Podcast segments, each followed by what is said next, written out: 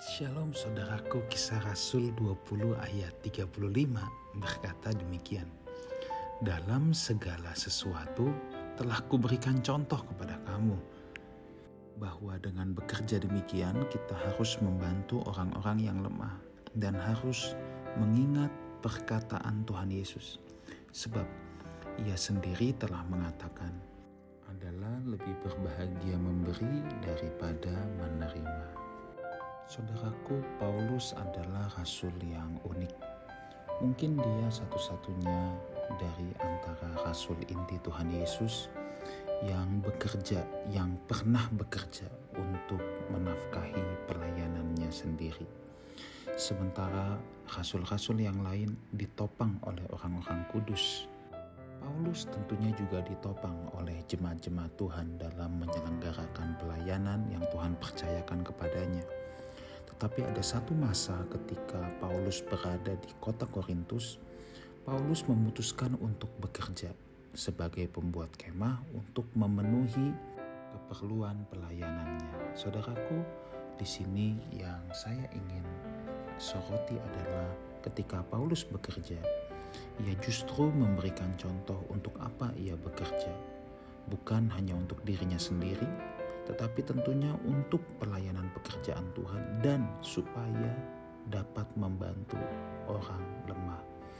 Di sini kita harus membuat sebuah permenungan dalam diri kita. Kita bekerja untuk apa? Apakah untuk egoisme kita? Atau untuk kita menikmati hidup lebih lagi?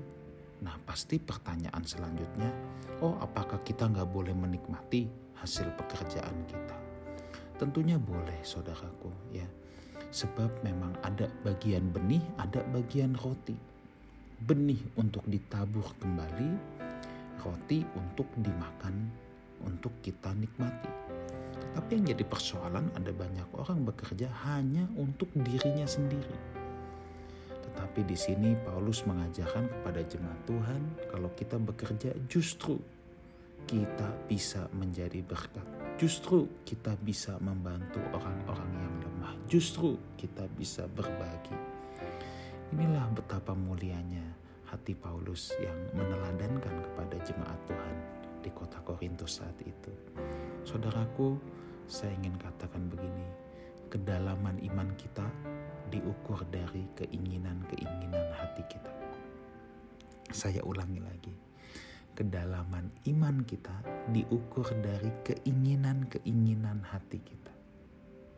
Kedalaman iman kita tidak diukur dari seberapa khotbah yang saudara sudah dengar, seberapa banyak ayat yang saudara hafal, tetapi sejatinya diukur dari keinginan-keinginan hati kita.